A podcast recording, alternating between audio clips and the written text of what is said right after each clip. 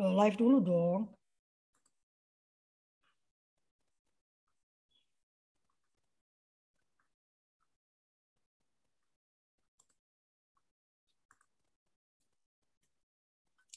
Oke, kita mulai ya. Wah, Dayanti nggak bisa membantu saya begini. Ya, ini hari libur loh, kenapa cuma dikit ya. Uh, selamat pagi sahabat seluruh keluarga. Kita bertemu kembali dalam Kultur Parenting Pagi, edisi hari Rabu, tanggal 1 Juni. Ya, sudah berubah bulan lagi ya, sudah bulan Juni. Wow, sudah masuk bulan ke-6 di tahun 2022 ini. Uh, dan kita masih tetap dalam program Kultur Parenting Pagi. Dan pagi ini saya yang akan menemani kakak double portion ya. Saya akan memandu diskusi kita uh, dan juga membuat sedikit memberikan pemaparan.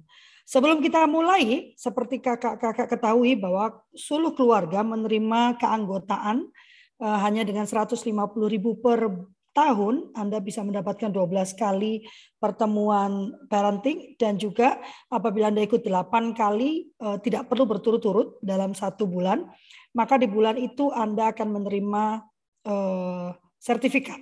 Selain itu juga Anda bisa mendapatkan eh, apa diskon 20% diskon untuk pelatihan-pelatihan yang kita selenggarakan. Saat ini saya sedang menyusun sekolah coach ya Eh, sekolah coaching untuk orang tua. Jadi bukan untuk coach atau untuk uh, apa untuk profesional, tetapi untuk orang tua agar orang tua bisa uh, mengcoach ya anak-anaknya. Zaman sekarang kita tidak bisa lagi bicara tentang uh, apa perintah, permintaan gitu ya, tapi lebih kepada Eh, bagaimana kita bisa memandu coach anak-anak kita agar mereka bisa hidup dengan baik ya. Selain eh, pelatihan-pelatihan yang sudah ada di uh, di suluh keluarga ya. Dan ini adalah sahabat yang Oh, sebentar ya. Ternyata saya nggak bisa saya akan membagikan oh wait, wait, ini ada files. Saya akan membagikan nah, satu-satunya ya. Jadi uh, beberapa bulan ini rupanya ada uh, apa kemunduran ya. Teman-teman uh, hadir tapi tidak ajak gitu ya atau uh, hadir tetapi uh, belum menjadi anggota sehingga kami tidak bisa memberikan uh, tidak bisa memberikan sertifikat ya, tetapi ini adalah sertifikat yang yang kami dapat hasilkan hari ini dan hanya satu orang yang berhasil mendapatkan sertifikat di bulan ini. Ini ada. Dan dia adalah Kak Diana Nuswantari ya. Jadi sahabat ini adalah bentuk sertifikat yang kami berikan setiap bulannya. Di belakangnya ada judul-judul yang uh, uh, ini kurang ya judulnya ya. Judul-judul yang di, dituliskan.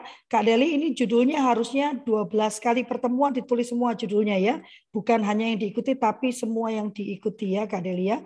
Jadi ini Anda bisa mendapatkan selamat buat Kak Diana Nuswantari. Nanti mulai bulan depan, mulai bulan ini ya sebetulnya, kami akan mengumumkan siapa-siapa yang mendapatkan sertifikat sebelum kami berikan. Biasanya Kak Deli langsung eh, mengirimkan sertifikat bulanan kepada mereka yang mendapatkan, tetapi eh, mulai bulan ini kami akan mengumumkan ya.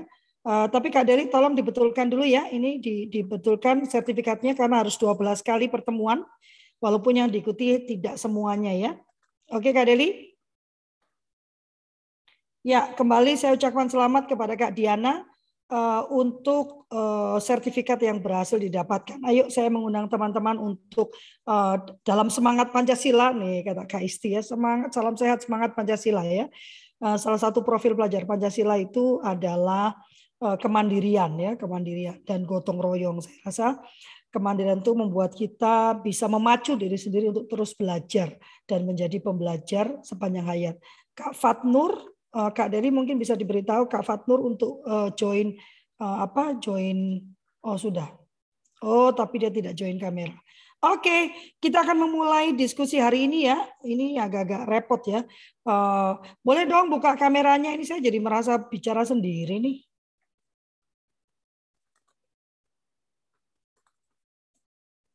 Nah, gitu dong Pak Rusmi Hai Bu Sri mau ke mana Bu? Hai Kak Isti. Di OTW Bandung ini. Dari oh, mau ke Bandung. Hmm, mau ketemu Teh Yanti. Teh Yanti di Bandung. ya, eh, Bapak Ibu, saya juga menya, eh, mendorong Bapak Ibu untuk mengisi absen. Di situ ada topik pilihan ya, topik topik usulan ya. Silakan mengusulkan topik yang Bapak Ibu butuhkan itu akan mempermudah saya menyusun jadwal bulanan yang sesuai dengan kebutuhan Bapak Ibu ya eh, kakak-kakak sekalian dan juga akan mempermudah saya untuk mencari siapa yang bisa menjadi narasumber. Saya membagikan ini ya. Hari pagi ini di mana Kak? Pak Karusmin? Gimana kalau nih? Pagi ini ada di mana? Oh, di rumah, tapi sebentar mau ke PIK diajak olahraga di sana. Walah, jauh bener olahraga di PIK. Iya, ngajaknya ke sana ya udahlah, ikutin aja. Oke. Okay. Bisa kelihatan? Ya, hari ini saya ingin mencoba membagikan tentang cerdas finansial. Saya tidak mengatakan saya cerdas secara finansial ya. Menurut saya saya tidak cerdas finansial ya. Tetapi itu tidak menutup eh, keinginan saya untuk memperbaiki diri dan mencoba membuat anak-anak saya menjadi lebih baik ya. Saya rasa eh, dua anak saya lebih cerdas secara finansial dibandingkan saya ya, eh, ibunya ya. Jadi karena mereka yang memberikan apa saran-saran ya, terutama tentang finansial. Nah, apa itu literasi finansial? Gitu sebetulnya negara kita juga sudah mulai uh, apa uh, fokus tentang hal ini karena makin banyak eh, hal-hal uh, yang ditemukan yang membuat uh, terlihat bahwa kita tidak punya literasi finansial. Literasi finansial itu adalah pengetahuan dan kecakapan untuk mengaplikasikan pemahaman tentang konsep dan risiko, keterampilan agar dapat membuat keputusan yang efektif dalam konteks finansial untuk meningkatkan kesejahteraan baik individu maupun sosial dan dapat berpartisipasi dalam lingkungan masyarakat. Jadi ada beberapa uh, in, apa beberapa poin ya. Yang pertama adalah pemahaman tentang konsep dan resiko. Selalu yang namanya definisi itu dimulai dari pemahaman akan konsep. Ya.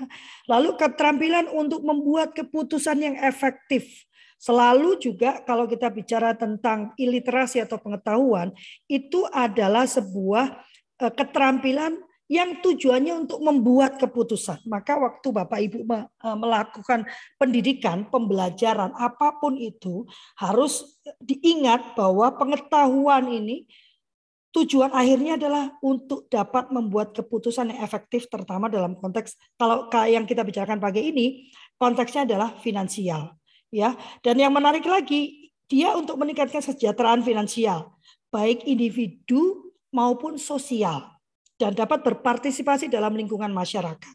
Saya kemarin sempat uh, diskusi dengan uh, anak PIK ya. Jadi kan sekarang tuh ada ada anak jaksel, ada anak jakut ya.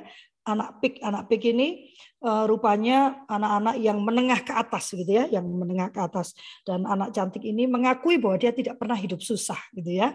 Uh, dia tidak pernah hidup susah. Lalu saya tanya apa uh, uh, uh, teman-temannya nanya pernah naik bis nggak? Pernah naik uh, uh, ini nggak?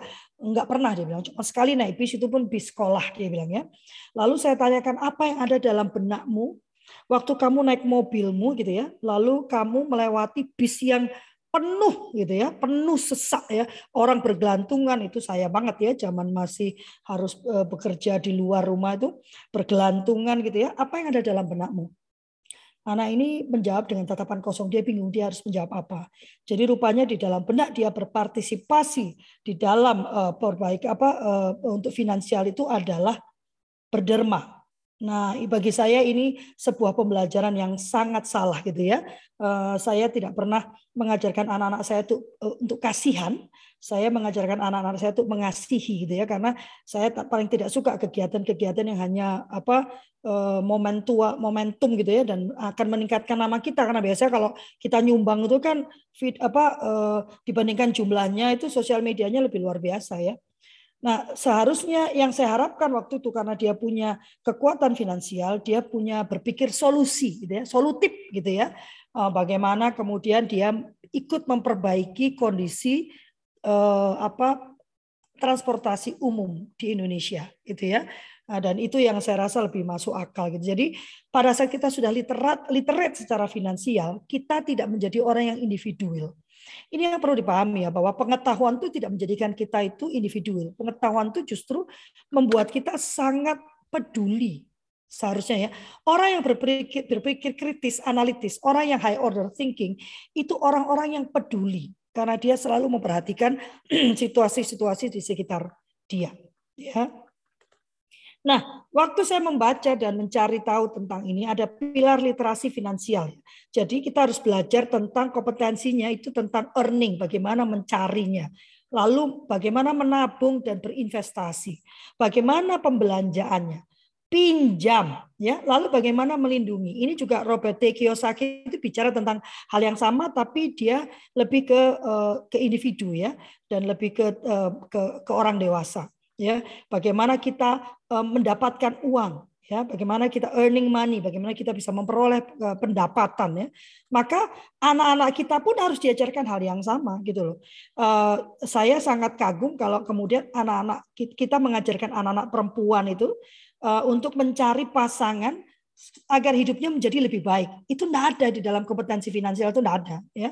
Di dalam kompetensi literasi finansial itu anak-anak uh, perempuan dan laki-laki equal diajarkan untuk harus punya kompetensi untuk mendapatkan memperoleh pendapatan ya. Memperoleh pendapatan ya. Sehingga eh, dengan demikian Bapak Ibu saya saya itu eh, punya satu kelompok perempuan ya yang saat ini sudah ada 204 240 eh, orang. Naik turun ini jumlahnya ya. 240 orang di dalam WhatsApp grup itu. Dan yang sedang saya perangi adalah perkataan bahwa aduh saya perlu mencari uh, suami yang baik gitu ya. Uh, suami yang baik itu tidak perlu dicari, Tuhan yang akan memberikan. Yang perlu Anda pastikan adalah Anda bisa hidup sesuai dengan standar yang Tuhan inginkan. Mendapatkan pendapatan, lalu menabung dan berinvestasi. Jadi zaman sekarang rupanya tidak lagi kita berkata duitnya ditabung di ditanam aja di dalam bank dan kita menikmati bunga, tapi uang itu bekerja buat kita gitu ya. karena itu diinvestasikan. Nah, bagaimana juga membelanjakan? Bagaimana konsep meminjam? Gitu ya. Pinjaman ini eh, bagaimana kita meminjam dan untuk apa? Dan berapa besar pinjaman itu boleh eh, kita mintakan? Berapa besar dari cicilan itu dibandingkan dengan pendapatan kita? Kemudian bagaimana kita melindungi uang kita? Ini saya terus terang tidak eh, terlalu jago ya dalam pelindungan. Kenapa? Karena saya tidak terlalu peduli saya transfer dari ATM apa, saya tarik dari ATM, saya tidak terlalu peduli gitu kan. Karena sebetulnya itulah perlindungan terhadap uang kita waktu kita um, misalnya ya menarik uang dari ATM yang bank berbeda akan dipotong uang kita kan. Nah, kabarnya sekarang udah gratis ya, nanti saya belum cek lagi ya. Tetapi harusnya orang yang melindungi uang ini kita benar tahu pajaknya itu dibayar benar nggak? Berapa persen sesuai nggak dengan dengan apa? Dengan peraturan pemerintah gitu ya? Apakah kemudian waktu kita membayar itu, apakah ada risitnya nggak? Dianggap penting nggak? Nah kita kita perlu memahami perlindungan-perlindungan itu. Nah, kembali ya, kalau saya lihat orang-orang yang literate itu, itu adalah orang-orang yang peduli, bukan orang-orang yang tidak mau tahu tentang apa yang terjadi di dalam sekitarnya. Tidak mungkin Anda tahu peraturan-peraturan yang melindungi uang Anda kalau Anda tidak peduli. Nah, kemudian bagaimana dengan anak? Sebetulnya pertanyaan dasar kita kan gini kan, bagaimana anak-anak dapat belajar menggunakan uang dengan benar? Ya, bagaimana membudayakan konsep pengelolaan uang kepada anak? Yang benar. Benar nggak? Sebagai orang tua kan pertanyaan kita itu kan uh, cuma dua itu kan. Bagaimana anak saya bisa memakai uang ini dengan benar? Bagaimana kemudian membudayakan konsep pengelolaan? Bapak Ibu, saya mau menyampaikan kegelisahan saya dulu. Saya paling gelisah kalau ada teman saya yang dengan bangga mengatakan anaknya yang usia dua tahun atau satu tahun sudah bisa mengambil uang sendiri, ya tahu dan lalu keluar jajan. Bagi saya itu sangat menggelisahkan gitu ya. Karena kalau Anda sudah melakukan itu, Anda sudah merusak literasi anak tentang uang. Ya, karena dia tidak berpikir bahwa tapi dulu sebenarnya anak-anak juga berpikir begitu ya. uh, aduh uang mama habis nih. Ya di ATM aja. Dia pikir di ATM itu uangnya ada terus itu mama tinggal ngambil di ATM. Wah, saya kaget juga. Waduh, ya enggak begitu uh, ininya. Maka kemudian saya saya sampaikan karena biasanya uh, uh, uh, uang saya itu karena saya bekerja freelance Ya, jadi uang saya itu kalau datang dia langsung masuk ke rekening kan. Jadi anak-anak tidak tahu. Nah, sejak itu saya menunjukkan ini ya, mama bekerja ini dapat sekian, lalu ini dimasukkan ke dalam rekening. Jadi dia tahu bahwa ada proses bekerja untuk mendapatkan uang ya kan? Baru uang itu di spend gitu ya. Nah ini yang yang yang yang bahaya kalau dari awal ini tidak dikabarkan bahwa uang ini bukan sesuatu yang jatuh dari langit gitu ya. Bukan sesuatu yang tumbuh di pohon gitu ya. Sehingga tidak bisa tiap kali ambil lalu nangis kalau nggak diberikan ya. Maka eh, beberapa hal yang perlu diajarkan.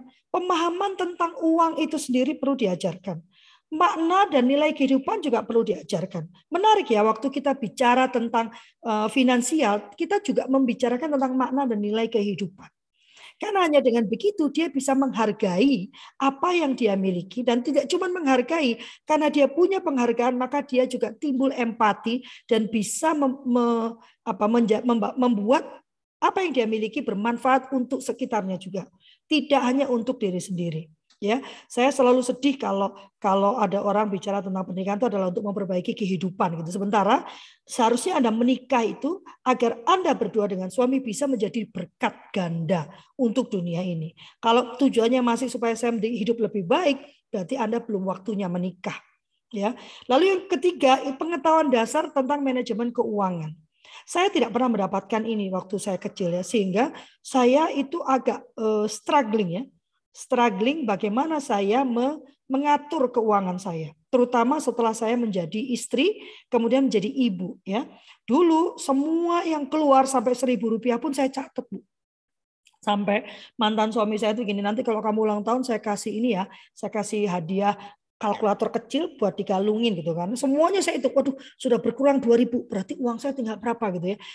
Walhasil saya stres sendiri kan, karena ya di atas kertas kita tuh selalu saja kekurangan ya dan jadi pelitnya luar biasa ya. Nah, ini hari-hari ini saya juga jadi pelit luar biasa. Maka yang perlu diajarkan adalah pemahaman tentang uang, makna dan nilai kehidupan, pengetahuan dasar, manajemen keuangan. Nah, ajarkan bagaimana sebelum memberi uang. Jadi sebelum Anda itu memberi uang, ada ada juga cara memberi uang kepada anak itu. Enggak terus uh, mama ini nih lima ribu jajan gitu. Itu ah, berapa? Ada ini ada. Seolah-olah Anda itu adalah sumber uang yang tiada hentinya. Sumber uang tiada hentinya itu cuma Tuhan ya, jangan jadi jadi Tuhan ya. Maka ajarkan bagaimana penggunaannya. Bagaimana menghitungnya, bagaimana menabung, bagaimana menggunakan, bagaimana perencanakan. Apa bedanya penggunaan sama menggunakannya nanti coba kita saya cek lagi ya dari sumber saya ya. Karena per, yang perlu diajarkan pertama adalah nilai uang itu sendiri. Ya kan? Jangan bangga anaknya belum bisa hitung tapi sudah di, dia itu kalau suruh hitung susah banget Kak. Tapi kalau sudah dijadikan duit, waduh cepet banget. Itu tidak membanggungkan ya, tidak membanggakan. Itu membanggungkan namanya ya. Maka ajarkan dulu penggunaan uang itu untuk apa sih? Ajarkan juga menghitung bagi saya eh, bicara tentang uang ini adalah bicara matematika yang paling sederhana. Jadi kalau mama beli ini 3000, kamu berapa dong gitu ya? Eh, berapa kembaliannya gitu ya? Sehingga dia belajar untuk untuk berhitung. Dan itu menyenangkan buat dia. Belajar juga menyisihkan apa yang dia miliki untuk ditabungkan. Saya pernah baca ya, kalau urusannya dengan uang, Eh, menurut buku psikologi yang saya baca itu waktu anak-anak masih kecil adalah selalu menunda ya. Jadi yang saya lakukan dulu apabila itu berupa eh, eh, apa berupa eh, hal yang di luar budget saya, maka saya tunda walaupun sebetulnya saya punya uang hari itu untuk eh, memberikan apa yang mereka minta, tapi biasanya saya tunda. Saya katakan mama belum ada uang, mungkin dua minggu lagi ya.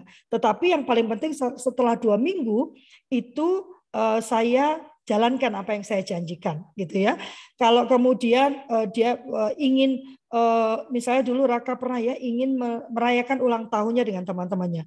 Maka saya ajak dia untuk menghitung budget anggaran. Berapa yang harus dikeluarkan, berapa yang dibutuhkan untuk makan, untuk undangan, tempat di mana, bagaimana menuju ke sana sehingga dia belajar membuat anggaran ya uh, uh, saya kagum waktu itu Deli ya uh, ma, uh, dia tuh uh, waktu itu kami tinggal di Cipete dan dia mau main bola dengan teman-temannya. Ya sebetulnya sederhana dia ingin bermain bola. Tapi di rumah dia udah sibuk coret-coret tuh. Siapa ini, bagaimana caranya, apa langkah-langkahnya gitu ya, berapa biaya yang dibutuhkan. Saya tanya, Deli mau ngapain?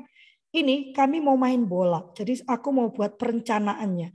Membuat perencanaan itu sangat penting dan sahabat ya, sering kali saya bertemu dengan kalau saya menjadi uh, apa manajer atau menjadi kepala sekolah, Seringkali saya menemukan kemampuan anak buah saya untuk merencanakan itu sangat rendah. Padahal uh, ada pepatah yang mengatakan tanpa perencanaan itu sama dengan merencanakan untuk gagal. Ya, jadi when you don't plan, Anda tidak membuat perencanaan, maka itu setara dengan Anda sudah berencana untuk gagal. Jadi perencanaan itu sangat penting. Perencanaan dalam finansial itu adalah budgeting. Sehingga yang dilakukan nih pada waktu kita salah satu cara untuk melatih anak mengelola keuangannya adalah lewat uang saku. Ya, eh, anak-anak seperti saya, saya ini eh, dari keluarga yang eh, apa berkekurangan ya secara finansial. Uang yang dari uang yang didapatkan ayah ibu saya itu biasanya itu ndak ndak apa tidak tidak acek gitu ya. Jadi kalau ada duit mereka habis-habiskan. Kalau enggak satu tidak ada lagi gitu. Sehingga eh, saya melihat uang itu sebagai ini kalau nggak segera dihabiskan nanti gitu. Jadi saya tidak terbiasa memanage uang saya. Termasuk juga eh, apa uang-uang kagetan itu ya. Kalau hari raya itu kan ya. Nah, kalau ada om yang datang. Jadi karena saya tidak punya uang saku, uang-uang itu tuh tidak saya pandang sebagai income jadi saya tidak memahami uh, konsep income. Karena kalau Anda punya konsep income, Anda tahu bagaimana kemudian menata income itu supaya cukup bahkan ada yang disisihkan sampai Anda mendapatkan income lagi. Nah, itulah yang diajarkan dalam uang saku. Nah, uang saku itu harus diperhitungkan benar sesuai dengan anggaran konsumsi mingguan anak. Jadi nggak cuma dikasih uh, sekian juta gitu ya. Yang penting uh, cukup nggak cukup nggak begitu, tapi aja anak untuk berhitung. Uh, berapakah uh, kebutuhan uh, kebutuhan apa kebutuhan uh, uh, mingguan anak? Untuk makan jajan di luar kalau dia di sekolah dan harus jajan berapa? Lalu untuk uh, uh, transportasi kalau dia pergi sendiri ke sekolah berapa? Gitu ya Nah, kemudian menurut buku yang saya baca, sisakan sedikit ya. Jadi jangan pas kalau kebutuhannya 50 ribu, misalnya sehari berarti seminggu karena dia pergi selama lima hari sekolah 250 ribu. Jangan pas 250 ribu, tetapi diberi misalnya 300 gitu. Karena untuk uh, sebetulnya untuk emergency fund ya. Tetapi juga dari situ anak bisa berpikir untuk menabung. Jadi kalau uangnya mepet-mepet ya susah nabung juga ya. Bagaimana mungkin ya saya sering kali Kak Lovely, kenapa sih nggak punya asuransi? Ya boro-boro asuransi ya makan aja ngitungnya meleret gitu ya. Meliprit gitu kan ya. Ya ini yang perlu kita ajarkan pada anak gitu kan. Maka kemudian kita dan bagaimana eh, bukan kita yang menentukan tapi anak yang menentukan. Dan nanti kalau kurang itu ada masa untuk melakukan adjustment. Anak-anak saya dulu kalau mau minta tambahan eh, apa minta tambahan uang saku, dia harus membuat proposal anggaran ya. Jadi berapa dan mengapa? Lebih penting lagi mengapa dia membutuhkan penambahan dana tersebut gitu ya. Jadi dia belajar untuk mempertanggungjawabkan apa yang menjadi permintaannya. Dan insentif dapat digunakan melalui anak untuk membelanjakan secara wajar dan tahu cara menabung. Jadi apabila anak itu bisa menata, jadi tiap akhir bulan anak-anak saya dulu memberikan laporan keuangan. Dia spend untuk apa saja uang itu. Bukan sebenarnya bukan untuk kontrol ya. Lebih supaya saya bisa kemudian mendiskusikan. Coba ya, coba kalau ini dedek kurangi, ini menjadi begini, kakak ini, karena kakak bisa mendapatkan ini. Dan lebih penting lagi diajarkan untuk mendapatkan goal. Jadi nabungnya itu jangan gini, adik harus menabung supaya nanti dedek bisa membayar uang kuliah. Lama banget ya. Jadi dimulai dari yang pendek-pendek. Jadi dia tahu ada goalnya, lalu dia mencoba mencapai goal tersebut dengan uang yang dia miliki. Maka yang saya temukan anak-anak justru skip jajan karena dia tahu dia bisa pulang dan makan karena untuk mencapai apa yang dia inginkan dan pencapaian itu saya saya tarik terus saya tarik terus kalau udah masuk uangnya kalau udah berapa kali saya ganggu misalnya itu disimpan lagi deh ya itu bisa lo buat beli ini mikir dia kan oh gitu Maya iya dong kan sekian coba oh iya ya jadi dia tahan lagi tidak beli lagi begitu caranya ya dan juga pada saat itu tercapai kita bisa memberikan hadiah penghargaan gitu ya atas prestasi dia mengelola keuangannya. Jadi saya ini memang tidak tipe orang tua yang mau membayar anak saya untuk melakukan pekerjaan rumah. Waktu saya membaca tentang ini, saya membaca ada pendapatnya itu agak um, apa pecah gitu ya. Ada uh, beberapa yang mengatakan uh, Eh, pekerjaan rumah itu boleh diberi harga. Jadi buang sampah berapa, ini apa gitu ya, sehingga anak nanti eh, terpacu untuk eh, belajar untuk mencari uang dengan cara itu. Tapi buat saya itu kurang cocok ya, karena seharusnya membantu di rumah. Sebentar ya, saya mau tutup ini saya. Saya sangat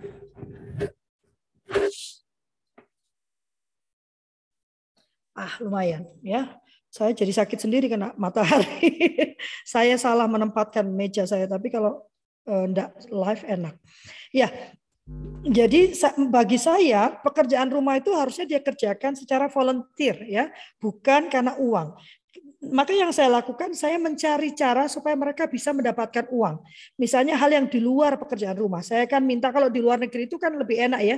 Dia bisa ke tetangga lalu motong rumput tetangga gitu ya. Sebetulnya di Indonesia juga bisa sama. Kita bisa melakukan itu. Alih-alih diberikan kepada para tukang kebun gitu kan. Anak-anak diberi ruang sedikit saja yang mereka boleh memotong rumput di sana gitu ya. Sehingga dia bisa mendapatkan uang. Dulu yang saya lakukan, uh, uh, saya meminta anak-anak itu membantu saya menerjemahkan.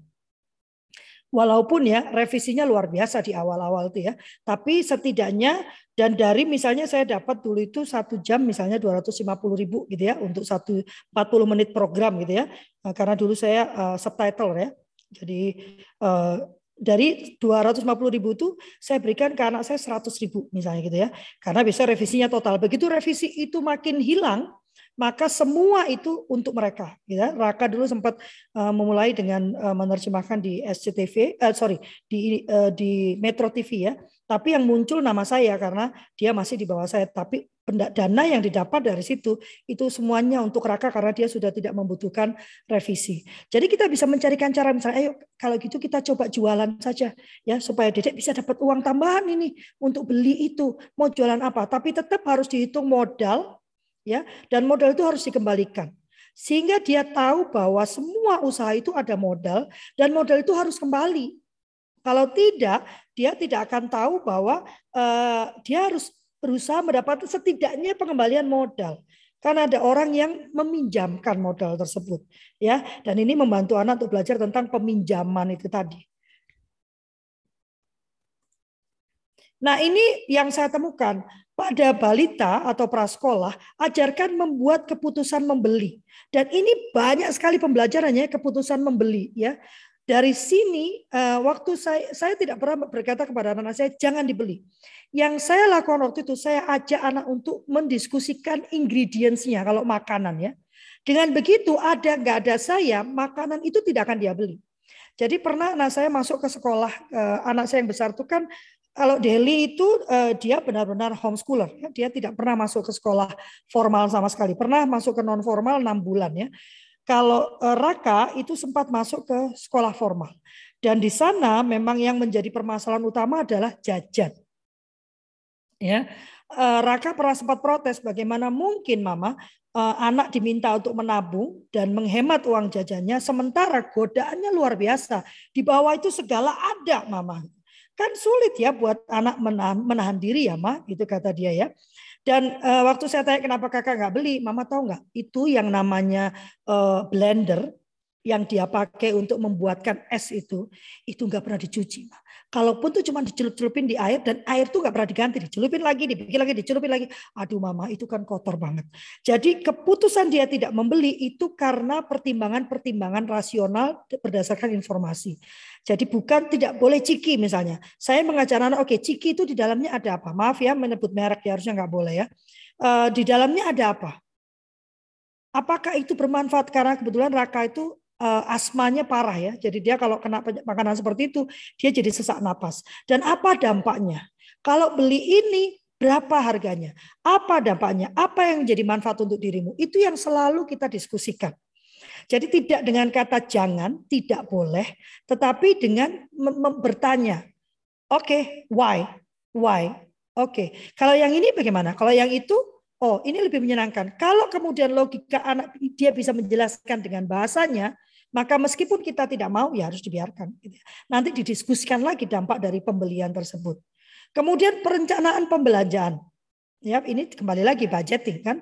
Lalu bagaimana menghasilkan uang? Luar biasa ya ini di luar negeri ini anak prasekolah sudah diajarkan bagaimana menghasilkan uang. Sebetulnya ini sudah dilakukan di sekolah alam dan sekolah-sekolah kita sudah melakukan itu. Sayangnya yang tidak diajarkan adalah konsep modal. Coba kalau anak-anak itu kan jualan yang berikan ibunya ya uangnya buat dia asik buat kita mau jajan. Dia tidak tahu bahwa di dalam itu ada modal. Ya, dulu anak saya sering kali tuh dia bikin apa dia beli, dia beli banyak, tahu-tahu dijualin. Loh, kak, kok nggak ada? Ya ternyata temanku suka. Ya udahlah aku jual aja lumayan mah. Lah uang mama mana? Lah mama kan ya nggak bisa di situ kan baru dia mikir, oh iya ya.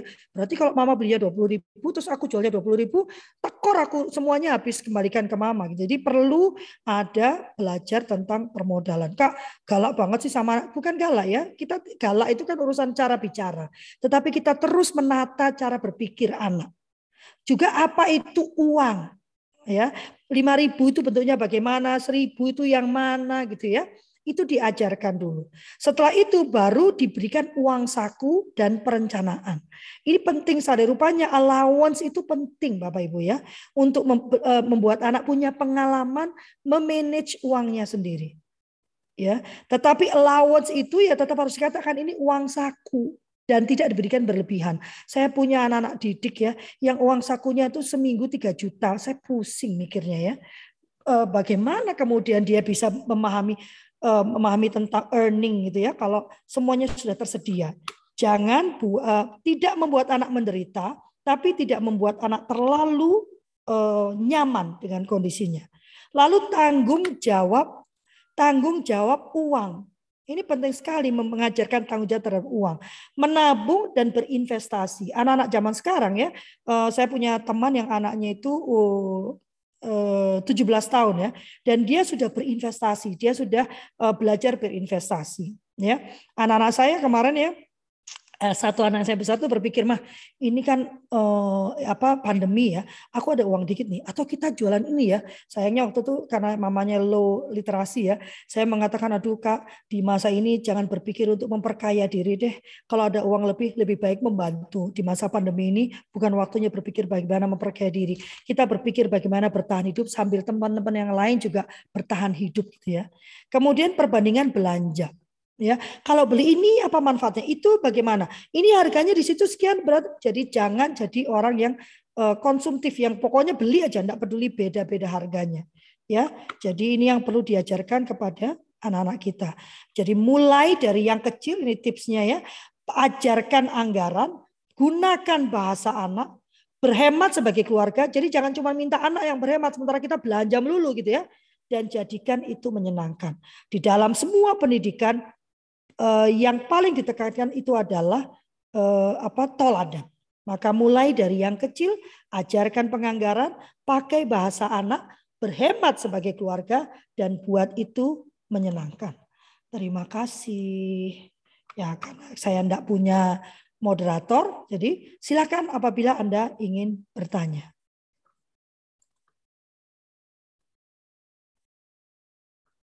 Halo, Pagi.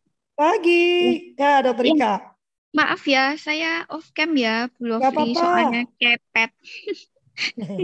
ya, saya mau tanya. Jadi, uh, anak saya ini kan usia 14 tahun ya. Hmm. Kebetulan tadi yang dipaparkan Bu Lovely itu bagus banget. Saya ini salah semua step-stepnya, sudah kadung 14 tahun. Actually sekarang saya ini nggak tahu ya, saya harus memulai dari mana untuk anak usia 14 tahun. Kemudian kedua, anak saya ini sesuai yang Bu Lovely katakan ya, dia tidak menghargai nilai uang. Jadi kayak misalnya uh, sekarang dia menginginkan drum. Di rumah tuh sebenarnya dia sudah punya drum ya. Drumnya itu drum yang uh, konvensional, bukan drum elektrik. Tapi hmm. itu uh, sebenarnya drum yang harganya mahal dan dia enggak menggunakan hingga sekarang tuh mungkin hanya sekitar 10 kalian gitu ya. Tiba-tiba dia minta drum elektrik. Nah, saya sudah mencoba menunda dan saya katakan sama anak saya, ya kita jual dulu drum yang lama. Setelah itu bantuin mami nabung gitu ya. Saya mau uh, tunjukkan harga drumnya, perbandingannya. Setelah itu saya mau breakdown seperti sarannya Bu Lovely gitu ya. Nah, cuman anak saya ini tidak tergerak sama sekali. Walaupun saya sudah etrek-etrek dia, ayo bantuin mami jual, bantuin mami jual. Dia diem. Tapi dia terus merongrong saya untuk beli drum baru. Saya masih nahan. Jadi saya ini nggak tahu ya apa yang saya harus kerjakan sama anak saya laki ini karena dia sudah kadung konsumtif. Kebetulan saya eh, karena saya sekolah juga ya, waktu saya sekolah spesialis saya co-parenting sama orang tua. Terpaksa karena anak saya juga eh, nggak ada yang jaga waktu itu, gitu ya. Jadi akhirnya ya yes, biasa lah Bu lihat opa oma itu kan dananya gede banget ya. Jadi anak saya sempat mengalami di mana saya masih sekolah, uh, anak saya itu setiap kali liburan dibawa ke luar negeri. Dan sekarang jujur itu saya baru terasa impact-nya ya. Saya dalam usaha mendowngrading kebiasaan anak saya. Anak saya sekarang tuh kalau misalnya diajak pergi, pertanyaannya gini, aku pergi ke mana? Loh, mami ini mau ngajak kamu pergi melihat alam sekitar, misalnya gitu ya. Yang biasa-biasa aja, kamu pergi ke Malang, kamu pergi ke Batu, itu. Okay. Dia nggak mau termasuk sekolahnya. Saya juga salah pilih dari awal ya. Saya mikir waktu itu sekolahnya dia saya sekolahkan di Nasional Plus. Karena waktu itu saya berpikir untuk kemampuan berpikir kritisnya. Lah dengan sekolah Nasional Plus itu ya mereka kan ya anak-anak berduit ya. Kalau enggak pergi liburan ke luar negeri itu enggak yes gitu. Saya sudah pindahkan anak saya sekarang ke sekolah biasa sekolah nasional yang muridnya beragam. Tapi jujur saya ini kayak masih kayak benang ruwet ya sama anak saya lagi ini ya terutama dalam mengajarkan nilai value keuangan where to start dan saya harus apa? Itu makasih ya uh, ini uh, apa uh, anak remaja ini memang lebih ruwet ya karena dia itu kan sudah masuk ke hormonnya dia sudah melihat ke orang dewasa uh, apa teman-temannya yang lain gitu ya. Termasuk dia sudah punya dia sudah mulai membentuk uh, apa sistemnya sendiri. Bagi saya anak-anak usia karena gini kalau dalam dalam muslim ya uh, saya saya ambil yang baik-baik ya semuanya ya. Umur 15 tahun itu uh, manusia, nggak cuma anak manusia itu nggak laki-laki nggak perempuan. 15 tahun dia di, diminta untuk bisa bertanggung jawab terhadap dirinya sendiri dulu. Uh, Tayanti benar nggak ya? Karena kan saya bukan muslim ya, tapi serta, seingat saya 15 tahun itu adalah masa di mana anak itu manusia itu diminta untuk bertanggung jawab terhadap dirinya dulu. Itu sebabnya anak-anak saya umur 16 tahun itu sudah mulai bekerja ya. Uh, tapi ya tidak tidak uh, tidak child labor ya, tapi dia sudah mulai earning his money. Bagi saya Kak Ika, uh, anaknya diajak duduk gitu ya, mungkin diperlihatkan uh, bagaimana bahwa apakah dengan cara dia seperti ini, cuman karena dia disleksia, ya eh, Kak, eh, Kak, eh, dokter itu mesti bicara juga dengan Kak Ika ya berdiskusi bagaimana pola komunikasi dengan anak-anak yang disleksia ini ya karena kan pasti pola komunikasinya berbeda. Tetapi saya rasa perlu diajak bicara duduk berbicara dan paling nggak diajak ke dokter Ika tuh ke, ke rumah sakit gitu ya melihat bagaimana kakak itu bekerja. This is how you get your money. This is how I get my money I work. Gitu ya. Uang yang saya dapat tentu saya dapatkan dengan bekerja. Nanti dia bilang, jadi terus buat apa dong uang itu kalau nggak buat saya? Yes, tapi tidak untuk kehidupan yang seperti itu. Kalau udah 14 tahun saya rasa sudah sudah boleh ya dengan tegas dan bermain logika. Tetapi logika yang sesuai dengan kondisi anak kakak ya. Eh, saya kemarin kan waktu ikut pelatihannya Kak Ika sebetulnya kan uh, hanya bagaimana menyampaikannya karena cara mereka berpikir kan berbeda ya. Cara otak mereka bekerja kan berbeda. Tetapi tidak kemudian menjadikan mereka seperti orang-orang yang yang tidak punya kemampuan ya yang tidak punya kemampuan berpikir. Tapi bagaimana approach kita pada mereka itu yang berbeda. Tapi penting menurut saya anak-anak itu tahu bagaimana kita bekerja. Itu satu. Yang kedua segalanya dibuat budget karena ini sudah 14 tahun kita diajak berpikir anakku, kalau kamu tidak uh, tidak apa uh, tidak tidak berbudget, maka uang kita akan kacau balau. Dalam kasus uh, apa dalam kasus uh, drum itu ya dibalik lagi, bagaimana aku bisa membeli kalau drum itu belum terjual. Saya tidak punya dana untuk membeli yang baru. Jadi what uh, if uh, only if gitu ya. Begitu kamu membantu saya, bagaimana membantunya mama? Kamu kan punya media sosial, tapi kita ajak bareng. Ayo yuk kita uh, kita tawarkan drum ini uh, uh, ke sosial media.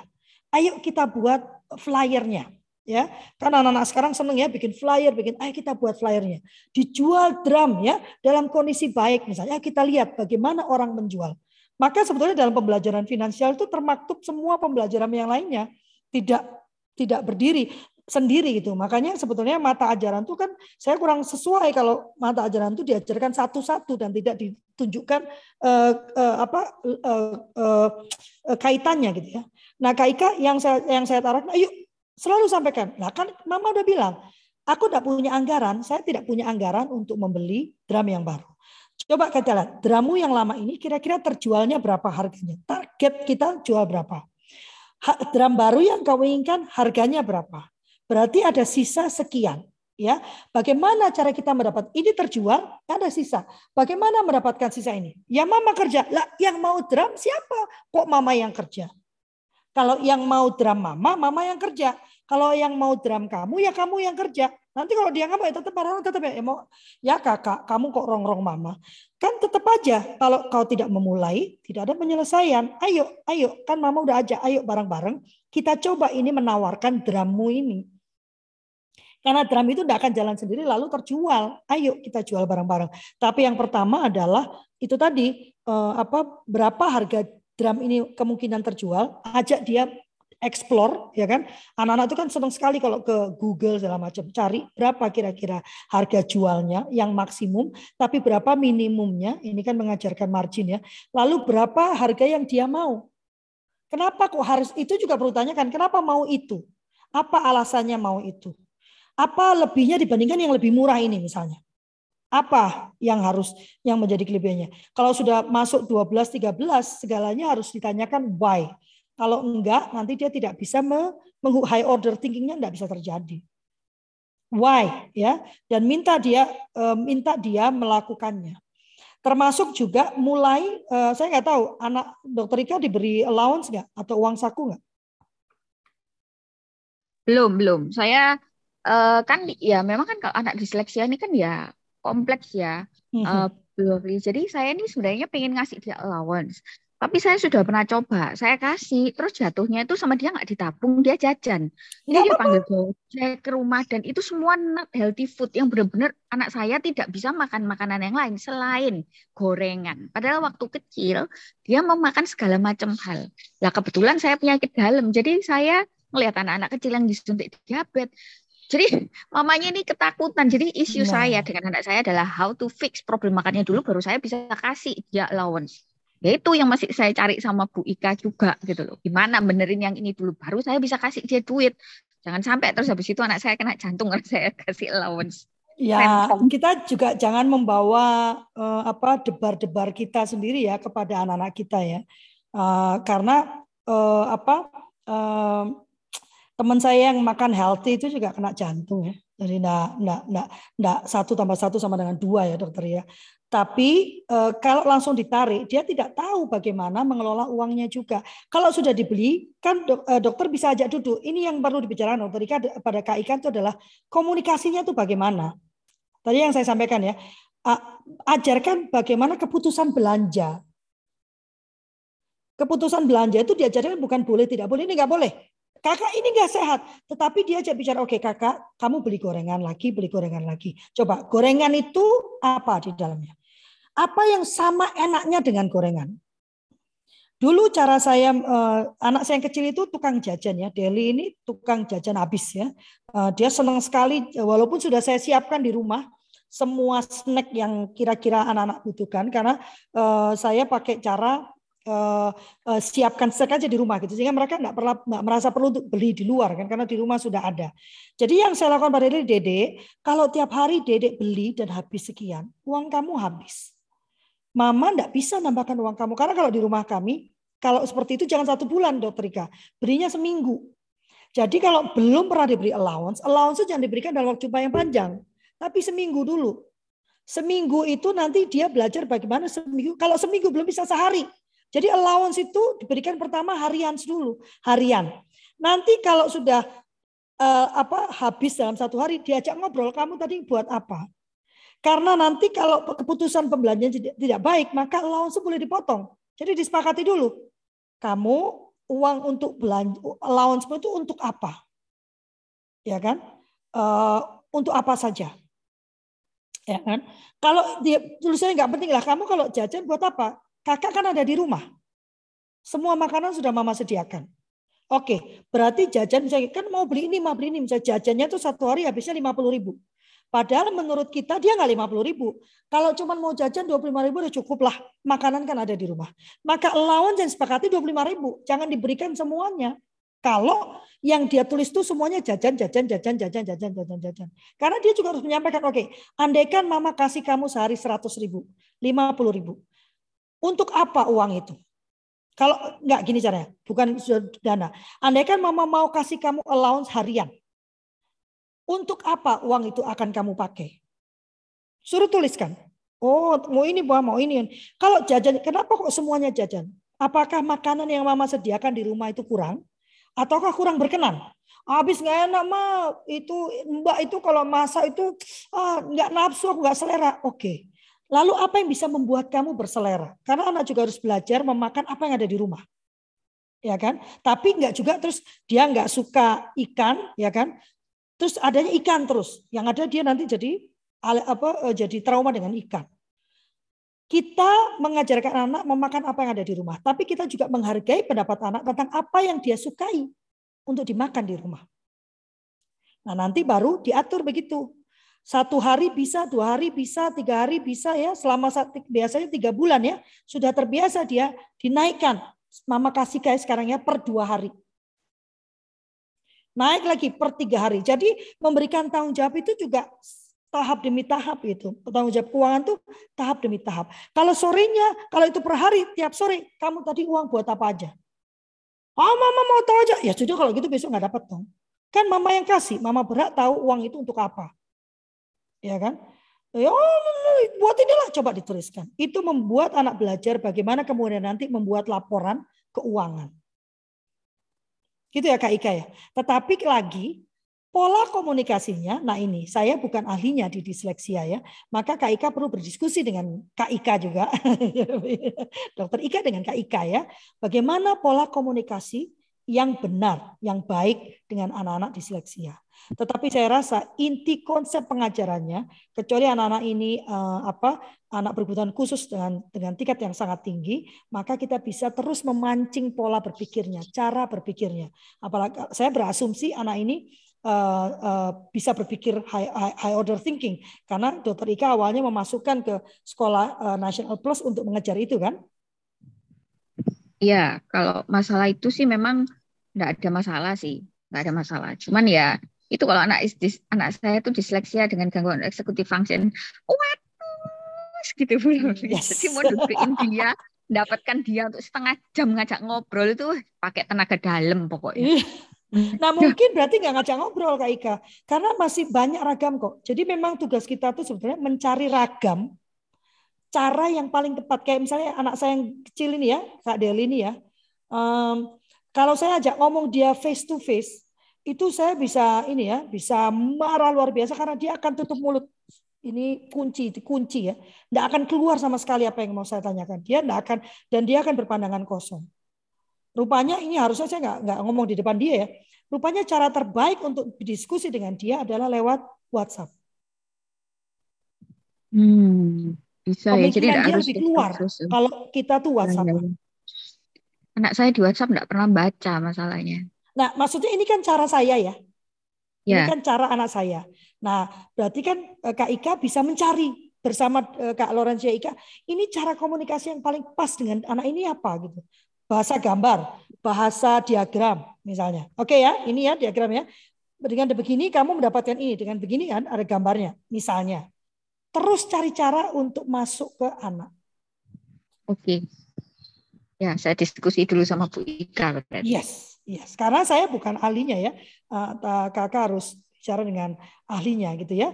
Uh, bagaimana ya. cara tapi saya rasa tahapan pembelajarannya tetap sama. Dia harus diajarkan bahwa uang ini ada batasannya. Dan bagi, uh, kamu membelanjakan itu harus dengan perencanaan. Kemudian uang ini harus kamu pertanggungjawabkan gitu kan. Nah itu yang tahapan-tahapan. Mungkin dimulai dari tahapan yang awal kan eh, keputusan belanja tadi kan dari anak yang balita. Ini kan karena harusnya kita begitu punya anak balita melalui itu dulu. Tapi kalau belum pernah diajarkan dia ya tetap aja tahapannya. Bagaimana membuat keputusan belanja. Iya. Oke, makasih Bu Terima kasih Kak Ika. Ada lagi yang mau bertanya? Masih ada waktu kita? Menarik ya. Kak Misnawati, Kak Isti, Kak Linda, Kak Fatima, Kak Fatima kata ini yang ditunggu-tunggu. Orang nggak nanya.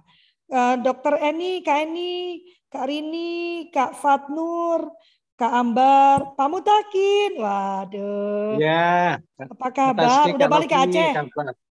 Masih di Jogja nih besok balik ke Aceh. Wah, luar biasa, lama bener. ya, sesekali kan. Siapa tahu terus pindah ke ke Jogja. Acehnya rugi kehilangan Pak Mutaki. Iya, iya, iya, iya. Hai Kak Rosdiana, Kak Feisi, eh Pak Kak Sofian, Kak Dini, Kak Fatnur mau bertanya? Udah buka? Um, boleh, boleh ya, kalau boleh bertanya. Mohon maaf ini laptopnya nggak ada kameranya, jadi tidak menyalakan kamera. Apa-apa Kak. Uh, jadi uh, kalau anak saya ini ada yang nomor dua, bukan saya tiga, anak saya tiga. Nah yang nomor dua ini Uh, jadi gini, saya hidupnya memang sederhana. Jadi ada duit nggak ada duit nggak kelihatan. jadi nah uh, pada suatu saat akhirnya karena mereka juga uh, udah gede begitu ya. Nah jadi ada peningkatan ekonomi juga lah maksudnya. Jadi mereka tahu orang orang tuanya tuh ada uang gitu walaupun tidak bermewah-mewah otomatis ya. Nah jadi mindset dia kalau dulu dia bisa hidup sederhana ngirit-ngirit. Nah, sekarang tuh karena mungkin remaja jadi punya keinginan misalnya contoh beli dia suka K-pop, drakor gitu ya. Jadi membeli suatu hal-hal yang tidak maksudnya dibela-belain begitu loh ya. Nah, itu saya belum bisa kalau kakaknya sudah bisa mikir gitu loh walaupun dia juga boros dalam artinya dia suka make up dan sebagainya gitu tapi sudah sudah bisa inilah udah bisa mikir gitu loh. Nah yang nomor dua ini belum belum belum nyampe gitu. Nah kira-kira seperti apa ini? Mungkin agak beda ya kondisi ekonomi dokter Ika tadi sama saya agak beda. Cuman ya uh, gimana mengedukasi anak saya itu biar uh, saya selalu bilang bahwa sederhana is uh, adalah gaya hidup gitu loh. Jadi bukan bukan harus merasa terpaksa dan sebagainya uh, ibarat saya tidak pakai yang bermerek bermerek pun uh, saya nggak ada rasa gimana gimana aja biasa aja gitu gitu. Nah uh, mohon uh, masukannya gimana kak? Ya nomor satu jangan berangkat dari perspektif kita. Buat kita K-pop itu nggak penting. Tapi buat dia itu penting banget. Berangkat dari situ saja. Gitu ya. Uh, hidup sederhana menurut saya belum tentu sama dengan hidup sederhana menurut Kak Fat. Benar nggak? Ya kan? Buat saya ini, saya sudah sederhana.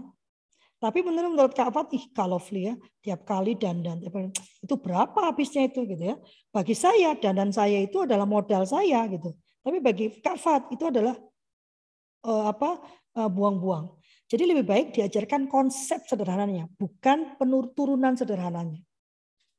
Misalnya ya, ada teman saya, dia beli pakaian bermerek, dia beli baju bermerek, dia beli tas yang bermerek. Mengapa? Ternyata setelah dia bosan, tapi kan dia pakai hati-hati ya. Dia jual lagi, masih ada hartanya. Kalau kita beli tas yang harganya 50 ribu ya, Kak Fat, ya, lalu rusak ya dibuang. Ada juga orang yang mau beli lagi kan, beli paling seribu ya. Tapi kalau teman-teman, ada teman saya itu yang berjualan barang branded second. Dan harganya Fatnur itu pasti 10 juta, 15 juta gitu ya. Karena harga belinya juga 25 juta. Jadi menurut Robert T. Kiyosaki, bedanya antara orang yang bermental miskin dan bermental kaya itu adalah spendingnya. Pada orang yang bermental kaya, semua spending dia itu adalah investasi. Nah ini yang perlu diajarkan pada anak. Bukan kata kamu tuh mau ya hidup sederhana. Pada titiknya dia tidak akan membutuhkan itu semua. Tetapi semua orang akan melewati masa itu, Kafat. Namanya anak perempuan apalagi ya, dia pingin ngetren. Nah, enggak masalah pingin ngetren. Yang jadi masalah itu adalah bagaimana kamu mengelola uangmu. Nanti kalau udah itu kan bilang, dek, tau nggak ada itu loh dek. Kamu nggak pengen beli yang itu dek? Hah? Kan nggak cukup duitnya. Ya gimana caranya kan bisa nabung dek. Itu misalnya yang ini nggak usah, yang ini nggak usah dulu lah yang itu. Jadi terus naikkan keinginan dia gitu. Karena kalau ngomong sama anak kak, terus anda bilang kamu tuh dek ngapain juga beli kayak gitu, buang-buang duit aja itu makin membuat segala yang dilarang itu makin menarik. Jadi ajak dia untuk berhitung tadi, ajarkan cara uh, uh, uh, apa keputusan pembelanjaan tadi gitu. Ya ini bagus ma, itu bikin aku bisa gini-gini. Oke. Terus tanyakan jadi menurut adik, oh, adik kok seneng banget sih beli itu deh. Apa sih yang bikin adik seneng? Apa man, uh, menurut tadi apa manfaatnya? Oh, siapa tahu ternyata memang bermanfaat. Siapa tahu nanti malah, malah Kak Fat ikut beli ya. Cuman yang paling penting adalah tadi dananya itu sudah jelas dari penganggaran, lalu anak-anak diminta menganggarkan penggunaan dana tersebut, lalu kemudian mempertanggungjawabkan penggunaan dana tersebut. Iya, setuju.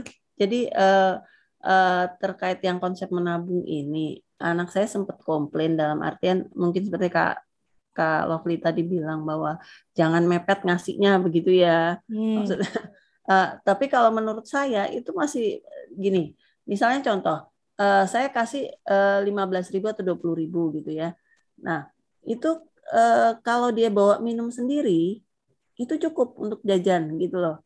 Jajan paling lima ribu, enam ribu begitu tapi dia kadang-kadang nggak mau bawa bawa air sendiri begitu loh nah jadi kan jadi kurang gitu loh nah tapi dia bilang kalau kita uh, itu lagi mana mau nabung mama ngasihnya mepet nah itu yang belum mungkin belum belum ya nah, itu awalnya nabungnya itu kak jangan cuma nabung jadi gini jadi nabungnya itu harus bertujuan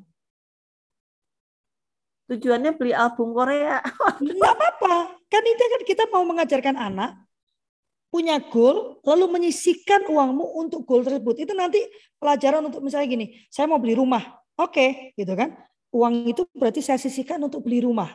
Itu untuk skala yang besar ya. Skala kecilnya itu dulu. Jadi jangan, mbok ya uangmu itu jangan dihabiskan. Kamu kan perlu menabung. Kamu nanti kalau habis gimana? Nanti kalau nggak ngerti anak dan nggak masuk tapi gini, kamu mau beli apa? Oke, berapa harganya? Berarti kalau kamu mau belinya kapan? Berarti kalau mau belinya itu dalam sehari kamu mesti menyisihkan uangmu berapa? Satu. Menurut kakak itu nggak penting. Menurut dia itu penting. Beli album Korea ini penting. Nggak apa-apa kan. Kita itu kan menabung untuk yang kita anggap penting. Nanti kepentingan itu kan berubah sejalan dengan peningkatan pemahaman kita. Nah tugas kita itu meningkatkan pemahaman aja Kak Fat. Biarkan dia beli, nanti sekarang mau beli apa? Kita mau nabung apa lagi? Nanti Kafat coba arahkan, dek, tau gak? Kalau itu kamu simpen lagi, kamu bisa beli motor. Hah? Mana cukup, mak? Ya nanti mama tambahin, coba berapa sih DP-nya itu? Terus nanti kamu kalau nabung begitu, bisa nyicil, mama mesti nambah. Gak apa-apa mama nambah, dek. Kita bagi berdua. Tapi dedek mesti uh, ngumpulkan sian, misalnya gitu ya. Itu jadi milik dia.